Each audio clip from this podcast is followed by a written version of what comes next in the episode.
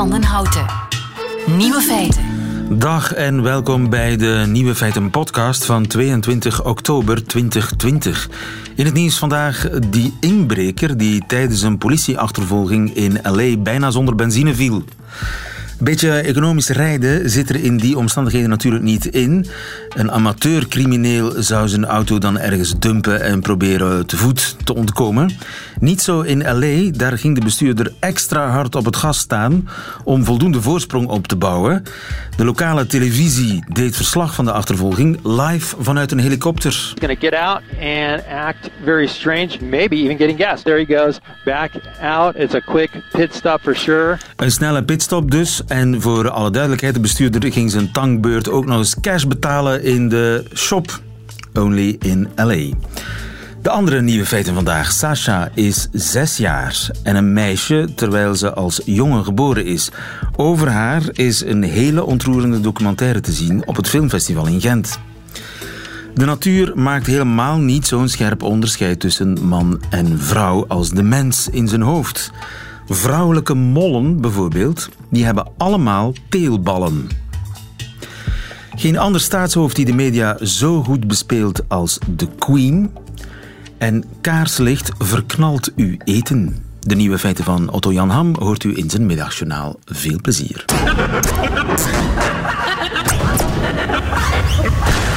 Nieuwe feiten. Ik heb gisteren een geweldige filmervaring gehad op het Filmfest eh, in Gent. Want over genderdysforie zijn al heel veel films gemaakt en documentaires. Maar dit is er eentje die focust op een zevenjarig meisje dat als jongen geboren is. Petite fille, zo heet de film. Et me disait encore, maman, quand je serai grand, je serai une fille, etc. Je lui dis, mais non, Sacha, tu seras jamais une fille. Et là, Sacha s'est mise à, à pleurer. Mais c'était pas. euh, C'était un vrai pleur de douleur. C'était vraiment le pleur de. Je venais de foutre sa vie en l'air. Je venais de briser tous ses rêves. En disant ça. Ja, we hoorden de moeder van Sasha. Die vertelt hoe Sasha begon te huilen van puur verdriet toen ze hoorde dat ze nooit een meisje zou zijn of dat dat eventueel niet voor haar bestemd zou zijn. Patrick Duinslager, goedemiddag. Goedemiddag, Steven. Van het Filmfestival van Gent, artistiek directeur. Eh, je was erbij hè, in de filmzaal gisteren? Ja, ik was zeer onder de indruk. Eh, Ik wist niet dat de film, ik had van de film al gehoord dat het een goede film was, ik had er wel iets over gelezen, maar ik wist niet dat het zo'n ontroerende film ging zijn. Ik vond het wel bijzonder knap gedaan, dus in die zin, ik, heb zelfs een beetje een hekel aan films waarbij je voelt dat je gemanipuleerd wordt, waarbij op een heel, eh, met goedkope trucjes eh, men naar je medevoelen hengelt en zo. Maar hier is dat puur door de authenticiteit die van de film uitgaat. Dus de, die documentairemaker, ehm Sébastien Lifshitz, een Fransman, die heeft eh, een documentaire gemaakt waarin hij, vind ik, volledig zijn, ehm, zijn aanwezigheid eh, uitwist. Dus je- het is alsof je in het leven van eh, die familie zit. En tegelijkertijd, en dat is een beetje de paradox, is het ook echte cinema. Want het is een documentaire, zou je kunnen zeggen, maar ik vind dat de documentaire is met de allure van een speelfilm. Dus zowel qua muziek, qua het beeldkader, cinemascoop, eh, de manier waarop hij beeldoverhangen maakt. eh. Je zit, je zit eigenlijk naar een, een, een heel, heel sterke, eh, ja, zeer artistieke documentaire te kijken. Visueel is het een film, een fictiefilm, maar inhoudelijk is het een documentaire en het is ook een, een zeer authentieke documentaire. Je voelt, hier is niets aan gespeeld of geforceerd. Nee, nee, dat is knap, want je weet natuurlijk dat, dat uiteraard eh, is, heeft, eh, heeft hij afspraken moeten maken met die familie die hij filmt en, eh, en, en met dat kleine meisje. Maar het wordt allemaal zo knap gedoseerd en zo. Eh, het is zeer intiem ook, maar, zo, maar met veel pudeur. Je hebt nooit, nooit het gevoel, wat voor dat onderwerp toch vaak op de loer ligt, dat het een beetje voyeuristisch wordt, of dat je eigenlijk dingen hoort die je liever eh, die je niet zou mogen horen, waar je niet zo getuige van mogen zijn. Dus je kijkt daarnaar met een totaal, eh, zeg, een, als toeschouwer kijk je met, met een, ongelooflijke betrokkenheid ook. Ja. Dus je, en wat ik ook de eerste keer zie in een film, is dat je de basissituatie van dat jongetje, dat, van, van een meisje feiten, dat in een jonge lichaam geboren wordt, want dat is wat men, hoe men eigenlijk dit definieert. Vaak is dat zo een theorie, maar hier voel je dat ook. Je, je, je denkt niet aan dat meisje alsof het een jongetje is. Dus dat is heel merkwaardig, hoe je als toeschouwer meteen uh, in die subjectiviteit van dat kind zit. En dat heb ik nog zelden ervaren in een film. Ja, uh, het is ook een momentopname. Hè? We volgen uh, Sasha, denk ik, gedurende één jaar, twee jaar, ik weet het niet. Ja, ja, dat is, ja het is zo niet duidelijk gedefinieerd, maar toch is het ongeveer uh, zeven jaar, de zes, zeven jaar is ze. En er wordt even gerefereerd dat ze al voor de eerste keer tegen haar moeder zei uh, ik wil later een meisje worden. Dat ze dat al zei toen ze drie was. Maar dat zien we natuurlijk niet. We zien het alleen die momentopname. Maar, uh, en ook wat de film ook zo krachtig maakt, is een, een ongelooflijk portret van uh, wat je zou kunnen noemen van onvoorwaardelijke moederliefde. Dus de manier waarop die moeder met dat kindje omgaat. ook de vader, hè, maar de vader is, blijft een beetje op de achtergrond. Maar het weinige dat je van die vader ziet is ook heel, heel subtiel. Natuurlijk een beetje eh, ik zou zeggen, het is bijna sprookjesachtig, denk ik, in de. Uh, in het, uh, dat dit een ideale familie is. Iedereen zou willen geboren worden, zelfs, mensen die niet een probleem hebben met, met, uh, met geslachtsidentiteit, zou willen in zo'n familie opgroeien. Want het is een heel warme familie. De, de broers en de zussen die Iedereen hangt aan elkaar en in iedereen die familie is, is er eigenlijk geen enkel probleem met ze. Als je het van de familie nee, zou afhangen, dan is ja, Sasha ja. een meisje en is, daar is geen discussie ja, of, of nee, nee, de vader over. zegt het heel mooi. De vader zegt niet, ja, ik heb moeten, uh, iets, het is geen kwestie van tolerantie, zegt hij. Sasha, want zo heet uh, het meisje, uh, zegt Sasha is Sasha. Dus voor die vader is het ook, dat is mijn kind en wat mijn kind wil, wat goed is voor mijn kind, is goed voor mij. Dat is eigenlijk samengevat de film, maar zonder de minste maar, en dan daarbij nog, ja, maar dit en dat. Nee, iedereen. En de ouders zijn ook boos als ze zien dat de school hen daar niet in volgt, bijvoorbeeld. Dat ja, een, een tijd lang, echt verbijsterend wel ook in de manier waarop dat, dat niet in beeld wordt gebracht. Ik vermoed dat de school niet wou meewerken aan de film, maar eigenlijk is het een pluspunt dat je die agressie ja. vanuit die school niet ziet. Nee, dat is heel knap gedaan, want inderdaad, zo is de film. Het is een film die het vooral ook van suggestie moet hebben. Want op zeker ogenblik, uh, bij de eerste bezoek, denk ik aan een, aan een dokter, die uh, de moeder gaat met dat kindje naar een dokter om toch te bespreken wat, ja, wat er nu moet gebeuren. En, en op zeker moment, van die dokter uh, stelt vaak, ik zal niet zeggen ondervraagd, want dat klinkt veel te streng, ook op een heel, heel, heel tedere manier stelt hij vragen aan dat meisje. En op zeker moment breekt dat meisje en begint te wenen. En dat is zo een een mooi moment, omdat het ook totaal ongeforceerd is en dat je, je zit volledig, je bent volledig mee met die personages, wat, uh, wat, uh, wat je zelden in die, op zo'n intieme manier hebt in, in, de film. Je moet een enorm vertrouwen gevergd hebben van, uh, ja, van ja. die moeder om die camera en die filmploeg toe te laten. Ja, het is een film die in alle scholen vertoond zou moeten worden, dat is zeker. Het is, ja, dat vond ik ook. Ja. ja. Het is een film die vanavond en morgen nog vertoond wordt op uh, Filmfest in Gent. Er zijn nog tickets en begin volgend jaar komt die in roulatie, begrijp ik. Petit Fille, zo heet de film. Dankjewel, Patrick Duinslager. Goedemiddag. Ja, heel graag gedaan.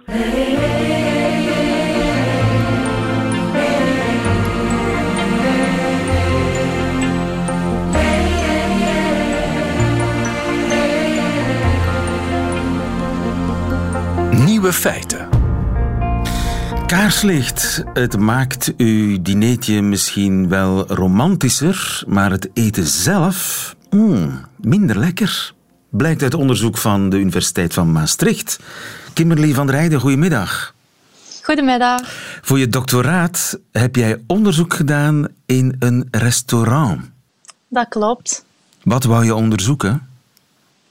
Wij hebben onderzocht hoe de intensiteit van het licht de smaakperceptie van het eten beïnvloedt. Hoe de intensiteit de smaakperceptie van het eten beïnvloedt en hoe pak je zoiets aan, zo'n onderzoek?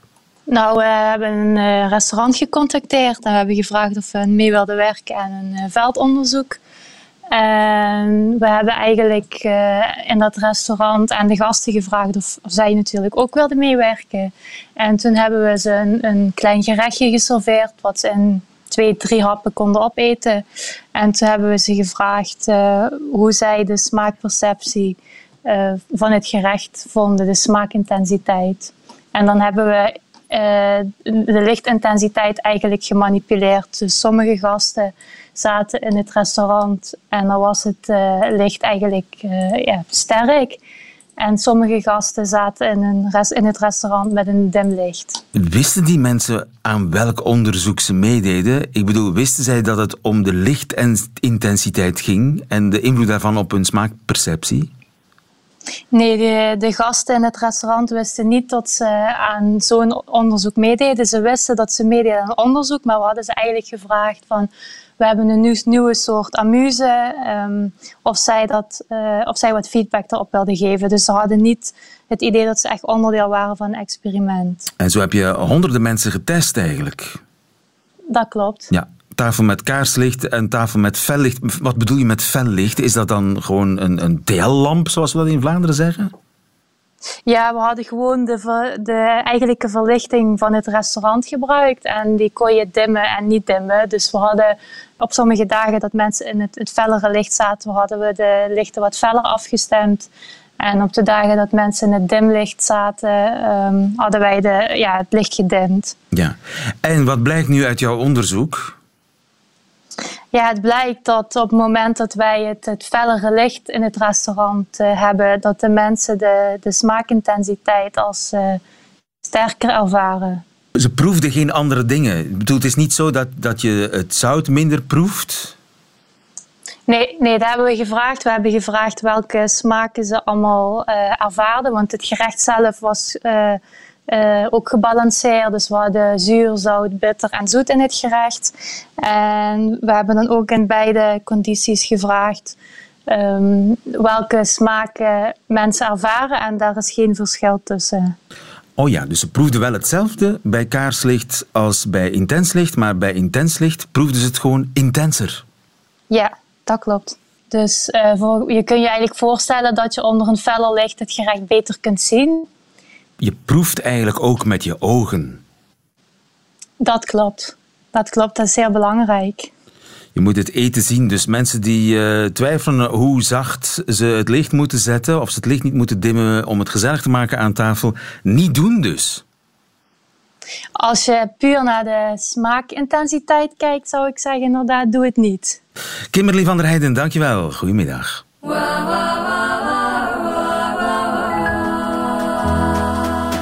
Feiten. Van alle koningen, koninginnen, presidenten en andere staatshoofden ter wereld, wie zou, denkt u, het best van al de media bespelen? Is het Mathilde? Is het Maxima? Of zou het toch Macron zijn? Het is geen van de drie, zegt royalty watcher Brigitte Balvoort in een boek dat vandaag verschijnt. Goedemiddag, Brigitte. Goedemiddag, Leven. Zeg het maar, wie is het? Uh, de Queen natuurlijk, wie zou het anders zijn? Hè? Die uh, straks bijna 70 jaar op de troon zit en echt een uh, trendsetter altijd geweest is in het gebruik van nieuwe media. Want Klinkt een beetje contradictorisch. Ja, contradictorisch, want je zou zeggen, de Queen is, het is niet eens een groot, maar het is een overgrootmoeder. -huh. Daarvan zou je niet meteen verwachten dat zij de beste is in het bespelen van de media. Wel, zij is eigenlijk een beetje zo haar uh, regeerbeleid begonnen. Uh, in tegenstelling tot Queen Victoria, die nooit te zien meer was uh, de laatste decennia van haar re regeertijd, heeft de Queen zoiets gedacht van I must be seen to be believed. En ze had zich daarop gebaseerd op Walter Bagehot, een politiek analist van de 19e eeuw, die zegt ja, een monarch moet zichtbaar zijn, zodanig ook zijn entourage, zodanig dat, dat er een soort van herkenning is met de onderdanen, maar dat mag ook niet te veel zijn, want anders wordt de magie doorbroken. Aha. Dat dus dat heeft ze eigenlijk al van bij het begin gedaan. Ja. De, de, eerste keer dat zij de media goed bespeelde was bij haar kroning zelf. En dat was, ja. je zegt het zelf al, bijna 70 jaar geleden. Will you solemnly promise and swear to govern the peoples of the United Kingdom of Great Britain and Northern Ireland according to their respective laws and custom. I solemnly promise so to do. I solemnly promise so to do. Dat was maar een klein fragment uh, van die kroning. En ja, dat ze in die 70 jaar ook veel bijgeleerd heeft, dat hebben we gemerkt in maart dit jaar. Want bij de, bij de lockdown in Engeland verscheen ze ook op televisie. Hè?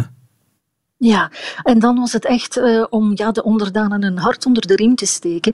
Uh, want u mag niet vergeten, op dat moment in maart, uh, ja, toen lag haar premier op apenhapen. Boris Johnson lag, die lag toen in het ziekenhuis. Prins Charles had ook corona. En de Queen had met allebei goed contact gehad. Dus ja, eigenlijk was het ook heel gevaarlijk voor haar. En iedereen hield op dat moment de adem in van wat gebeurt er in ons land? Alle zekerheden schenen om dat moment weg te vallen.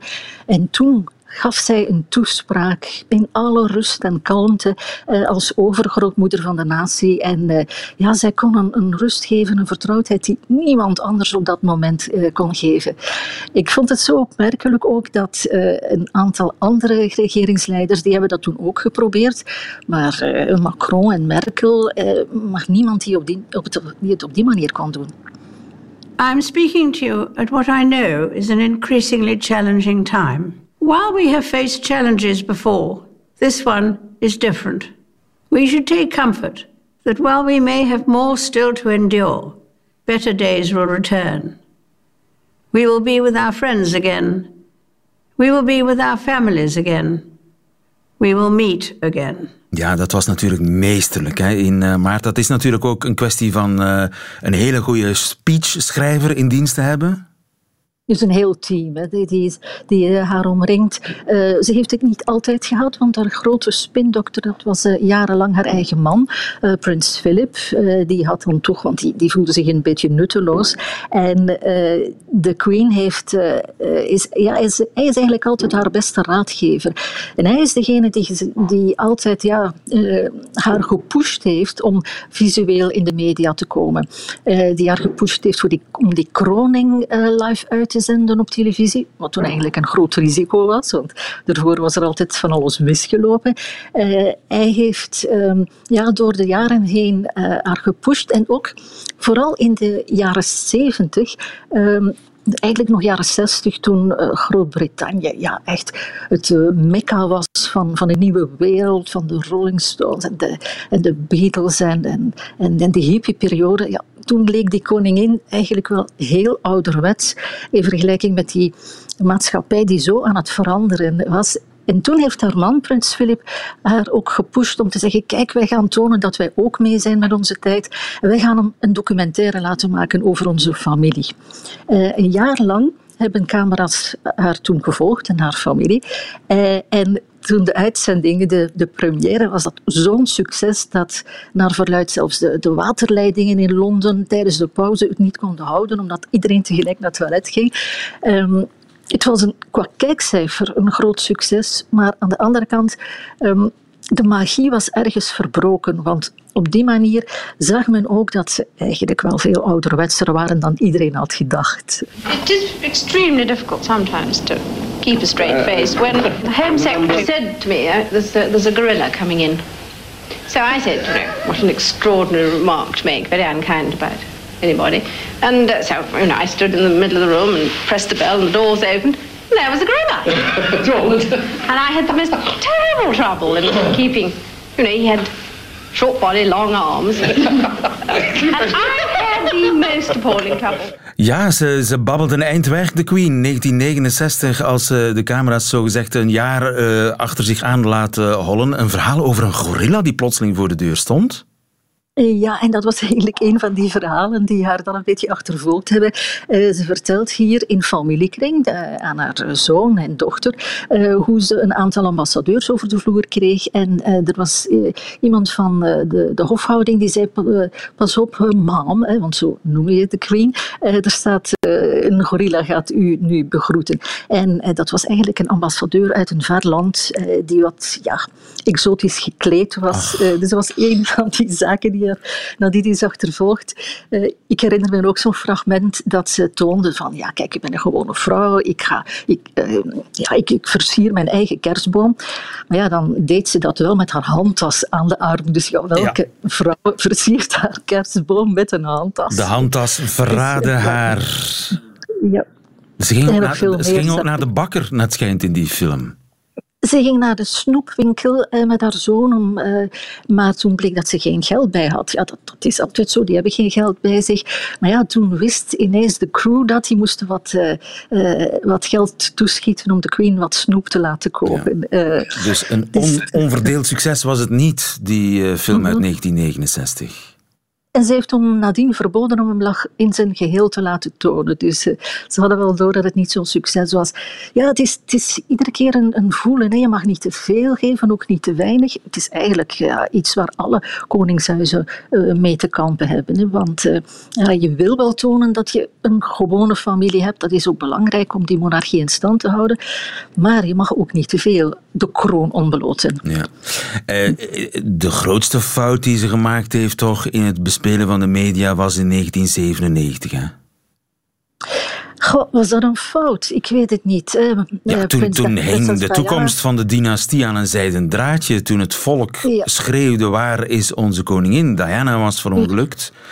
Het land was in een soort hysterische rouw uh, gedompeld. En de queen hield de lippen stijf op elkaar en bleef op Balmoral zitten. Ja, maar daar waren ook haar kleinzonen die op dat moment hun moeder hadden verloren. Dus ja, uh, dat was, dit is echt een duidelijk teken van, van de spagaat die er altijd in haar leven geweest is. Tussen, uh, ja, zorg ik voor mijn eigen kinderen of, of voor mijn onderdanen? Wie is nu mijn familie? En het was inderdaad, elke grootmoeder zou dan op dat moment waarschijnlijk voor de kleinkinderen hebben gekeken. Maar zij ja, moest als eh, grootmoeder van de natie had er moeten zijn. En ze heeft het toch gedaan, hè? Ze heeft toch de, de natie toegesproken en dan was plotseling eh, alles vergeten en vergeven. Hoe, hoe zit het met Twitter? Zit de queen ook op Twitter? Ik bedoel de echte queen, want er is een fake queen die heel geestig is op Twitter, maar de echte... Eh, zij was de allereerste die op Twitter zat, vooraleer dat wij nog maar het medium een beetje kenden. Is dat echt waar? Uiteraard doet ze het niet zelf. Ja, ja. ze, heeft, ze, ze duwt op het knopje. Of dat heeft ze toch één keer gedaan bij het begin begin dat ze dit medium bespeelde, maar voor de rest ook Instagram, alles. Uh, je, kunt, uh, je moet eigenlijk de queen volgen om mee te zijn in de sociale media. En hoe oud is ze nu ook alweer? 93, 94? 94, ja. Uh, haar man wordt er volgend jaar 100. Uh, zij dan 95. En uh, ja, ze zijn bijna 75 jaar getrouwd, die twee. Dat, dat heet een rodium-jubileum. ik denk niet dat er zoveel wat, mensen... Wat voor jubileum? Een rodium? Een rodium. Ja, ik had er ook nog nooit van gehoord. Maar, ja, inderdaad. Uh, het is een unicum, dat zijn ze in alles. Die, uh, en niet alleen de Queen, maar ook haar steun en toeverlaat, prins Philip, uh, bijna 100, loopt daar nog kaarsrecht. het is een groot verschil, ook in beeld ten opzichte van die 1,60 meter kleine, tengere, maar oh zo sterke koningin. ja, heel veel eerbied. En dat houdt ook de monarchie eigenlijk zo sterk vandaag de dag. En het is maar de vraag of Charles dat op die manier zal kunnen overnemen, want het zijn uh, misschien letterlijk kleine stappen waar hij in zal moeten gaan, maar symbolisch onwaarschijnlijk groot. Enorme schoenen te vullen voor Charles. Andere royals kunnen nog veel leren van The Queen. Het boek God Save the Queen. Tien vrouwen delen hun visie op Queen Elizabeth verschijnt vandaag bij uitgeverij Pluim. Brigitte Balfour, dankjewel. Goedemiddag. Graag gedaan. Nieuwe feiten. Ik moet zeggen, ik ben een beetje van mijn melk, want de, het is toch een verrassende vaststelling. Ik wist het niet, maar er zijn dus geen vrouwelijke mollen. Vrouwelijke mollen, dat, dat bestaat eigenlijk niet. Juri Kortens, goedemiddag. Ja, goedemiddag. Van Natuurpunt, uh, onderzoekers die hebben zich over de geslachtsdelen van de mol gebogen. Mm -hmm. En hun conclusie is spijkerhard. Ah, spijkerhard moet ik zeggen. Eigenlijk is de conclusie dat de natuur een beetje lak heeft aan die vakjes van man-vrouw. Want als je naar mollen kijkt, dan zijn er inderdaad wel mollen die een vrouwelijk profiel hebben. Maar ze hebben ook iets dat heel typisch mannelijk is, namelijk zij hebben teelballen. Dus alle mollen hebben teelballen? Ja, ja, min of meer. Het is een beetje anders bij de vrouwtjes. Ze hebben gewoon ook uh, eileiders en, en, en, en eierstokken. Uh, maar ze hebben op die eierstokken een onderdeeltje dat eigenlijk ook hetzelfde is als teelbalweefsel. En het grote verschil met mannetjes is dat ze daar geen zaadcellen produceren, maar enkel de mannelijke hormonen. Uh, dus dat is eigenlijk het echte nieuwe feit. En mannelijke hormonen, waar hebben ze die voor nodig? Ja, dat kan je voor verschillende dingen gebruiken. Eigenlijk zijn, zijn mollen heel agressief uh, naar andere mollen toe in hun territorium. Die zijn heel territoriaal. Die vechten ook tot de dood. Uh, en die, uh, die, die mannelijke testosteron die gaat dat agressieniveau omhoog halen. Dus dat is iets wat voor hen heel handig kan uitkomen. En een tweede, dat is eigenlijk dat het een extra kracht geeft. Dus echt kracht en dat die spieren verder ontwikkelen. Dat zijn mannelijke borst, de borstkast krijgen, een torso, om te kunnen graven natuurlijk. Want die mollen die moeten uh, heel veel kilo's, tonnen aarde verschepen uh, op een jaar. Ja, en dat geldt dus ook voor de vrouwelijke mollen. Ja, dat geldt eigenlijk voor alle mollen. Alle mollen hebben ongeveer 100 meter gang dat zij, die, zij gebruiken om daar allerlei dieren in te vangen. De, de, regenwormen die migreren door de bodem op en neer. En als je daar gewoon moet achter graven en dan plots eentje tegenkomen, dat is heel arbeidsintensief. Dus wat doen ze? Ze maken een netwerk van gangen. En terwijl die mollen op en neer in de aarde gaan, komen ze af en toe in zo'n gang terecht. En dan komt de mol gewoon langs om die op te scoepen, om die op te eten.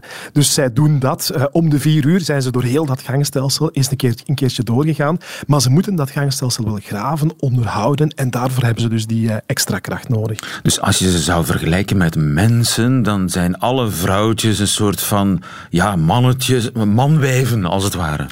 Dat is misschien, ja, ja, dat is ook weer zo'n moeilijke term. Natuurlijk. Dat is een moeilijke term. Over, ik dat niet over mijn lippen krijgen. Maar uh, in ieder geval, je kan het daar wel een beetje mee vergelijken. Ze hebben eigenlijk heel veel testosteron, ze hebben heel veel mannelijke uh, hormonen. En dat verschilt ook wel een beetje in het jaar. Dus in de periode dat zij jongen krijgen, dat zij zwanger, zwanger zijn, dan gaan de vrouwelijke hormonen de overhand nemen. Maar in andere periodes, en zeker nu in het najaar, gaan die mannelijke hormonen, die testosteron, de overhand nemen.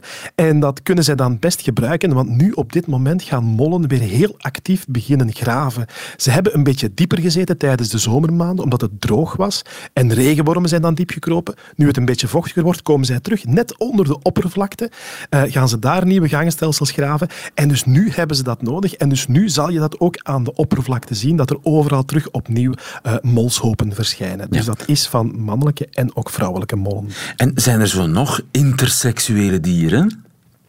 Uh, er zijn er nog wel hoor. Uh, bij mollen heb je dat aan de ene kant. Hè. Ze hebben niet alleen uh, de eierstokken, maar bijvoorbeeld ook een soort van fallusvormige uh, penis, een clitoris eigenlijk. Uh, maar ook hyena's hebben dat. Die hebben ook zo een heel lang, ja, penisachtig orgaan, maar eigenlijk is dat hun vrouwelijk voortplantingsorgaan. En bij hyena's is dat nog extremer, want ja, die hebben zelfs geen vagina meer. Bij de mollen is dat enkel de clitoris die vergroot is. Bij de hyena's is heel dat, dat uitwendige deel van dat voortplantingsstelsel is verlengd in een soort van pseudo-penis. En ja, dat is natuurlijk heel pijnlijk, pijnlijk, want zelfs bij de hyena's moet ook de geboorte via dat kanaal verlopen. En dat is een, eh, een heel ingewikkelde gebeurtenis. Ik probeer dat even tot mij te laten doordringen. Dus hyena's hebben geen ja. vagina. Nee, die hebben geen vagina. Hebben eigenlijk, je kan dat aan, aan, aan uiterlijke kenmerken kan je dat nauwelijks onderscheiden van een mannelijke penis. Maar hoe uh, gebeurt dan de geslachtsgemeenschap? Ja, alleen met de toestemming van de vrouw. Want wat zij eigenlijk moet doen, dat is heel bijzonder. Zij moet die penis intrekken en je kan dat een beetje vergelijken met een sok die je binnenste buiten trekt. En zo kan dus die copulatie plaatsvinden bij die hyena's. Dat is een heel, uh, ja, een heel gewikkeld proces natuurlijk, waar dat zij eigenlijk bepaalt of het kan of mannen hebben daar niks in de pap te brokken. Uh, en dat is het, het enige, het eerste probleem. Het tweede probleem is dan die geboorte. En dan heb je eigenlijk ja, die hele kleine, dunne uh, fallus, waardoor ook een bifilo moet doorgeduwd worden. En dan zie je wel bij hyena's bijvoorbeeld dat vaak de allereerste keer dat zo'n vrouwtje bevalt, dat dat heel vaak uh, doodgeboren welpen zijn, omdat die veel te lang in dat proces hebben gezeten. Maar vanaf de tweede geboortes gaat dat allemaal veel vlotter. Ja, om maar te zeggen dat uh, de, het, onder, het scherpe onderscheid man-vrouw dat wij maken, dat maakt de natuur niet. Dat maakt de natuur helemaal niet. Je hebt natuurlijk zo de algemeenheden, maar daar zijn allemaal heel mooie tussenvormen te vinden. Uh, verschillen tussen diersoorten, maar ook binnen bepaalde soorten heb je zo soms ook heel wat van die uh, variatie. Juri Kortens, boeiend. Dankjewel. Goedemiddag. Heel graag gedaan. Dat waren de nieuwe feiten van 22 oktober 2020. Alleen nog die van Otto Jan Ham heeft u te goed. U krijgt ze in zijn middagjournaal. Nieuwe feiten. Middagjournaal. Hallo luisteraar. Waar zal ik het eens over hebben? Ik kan het hebben over de man die ik gisteravond zag op de parking van het sportcentrum hier vlakbij. Hij had in de kofferbak van zijn Renault Clio een mini discobar geïnstalleerd en hij draaide minimal techno. Ook had hij een box buiten gezet en zelfs wat lampjes opgehangen. Het was een vreemd zicht en buiten mijn hond en ik waren er nul kijk- of danslustigen opgedaagd. Een uur later stond hij er nog steeds voor hetzelfde publiek, zichzelf. Ook muzikaal was er weinig gebeurd, maar dat heb je met minimal techno. Ik stond hem een tijdje gade te slaan, maar zelf keek hij niet op of om. Rare snuiters, ik mag ze wel, en dat is vaak ook wederzijds. In Halle heb je er eigenlijk niet zoveel. Hiervoor woonde ik in het veel kleinere Ternat en daar waren er al twee. Jezus, omdat hij lang haar, sandalen en neuroses had, en Andreke, iemand die de atlas van buiten kende, net als alle nummerplaten van de inwoners van Ternat. Ze waren allebei al eens op Jambers geweest, en daar was Andreke terecht fier op. Halle mist dat soort kleurrijke figuren. Er wordt wel eens gesproken over iemand die ze Jefke Seks noemen, maar ik weet niet wie dat is en of die wel bestaat. Het is een soort monster van Loch Ness. Er wordt wel over gepraat, maar niemand heeft hem echt gezien. Terug naar de parking-DJ. Die ging maar door, ondertussen rustig sigaretten rokend. Ik vroeg me af waarom hij daar in vredesnaam stond.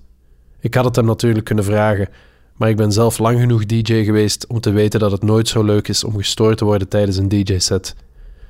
Ook al waren het leuke meisjes, dan nog kwamen ze altijd iets te hard in je oren schreeuwen met hun aerosollen om een liedje dat je eigenlijk zelf niet wou draaien, maar toch deed omdat je ze leuk vond, waarna ze teruggingen naar het lief dat ze bleken te hebben.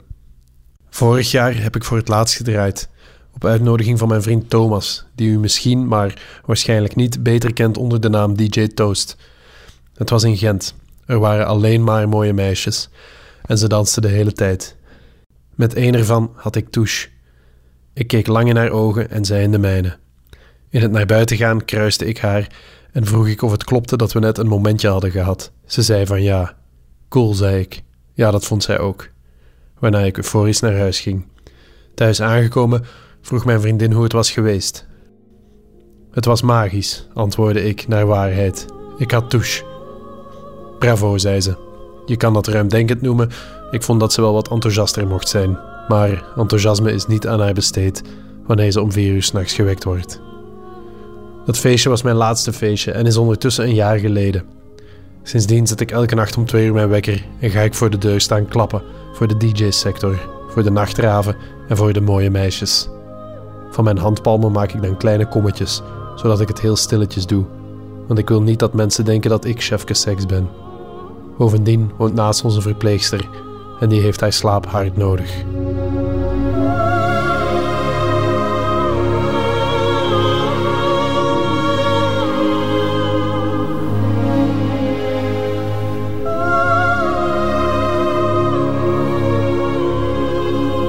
Jacht op Jefke Seks in Halle is open. Otto Jan Ham in het middagjournaal. Einde van deze podcast. Hoort u liever de volledige uitzending van Nieuwe Feiten? Dat kan natuurlijk ook via onze app of via radio1.be.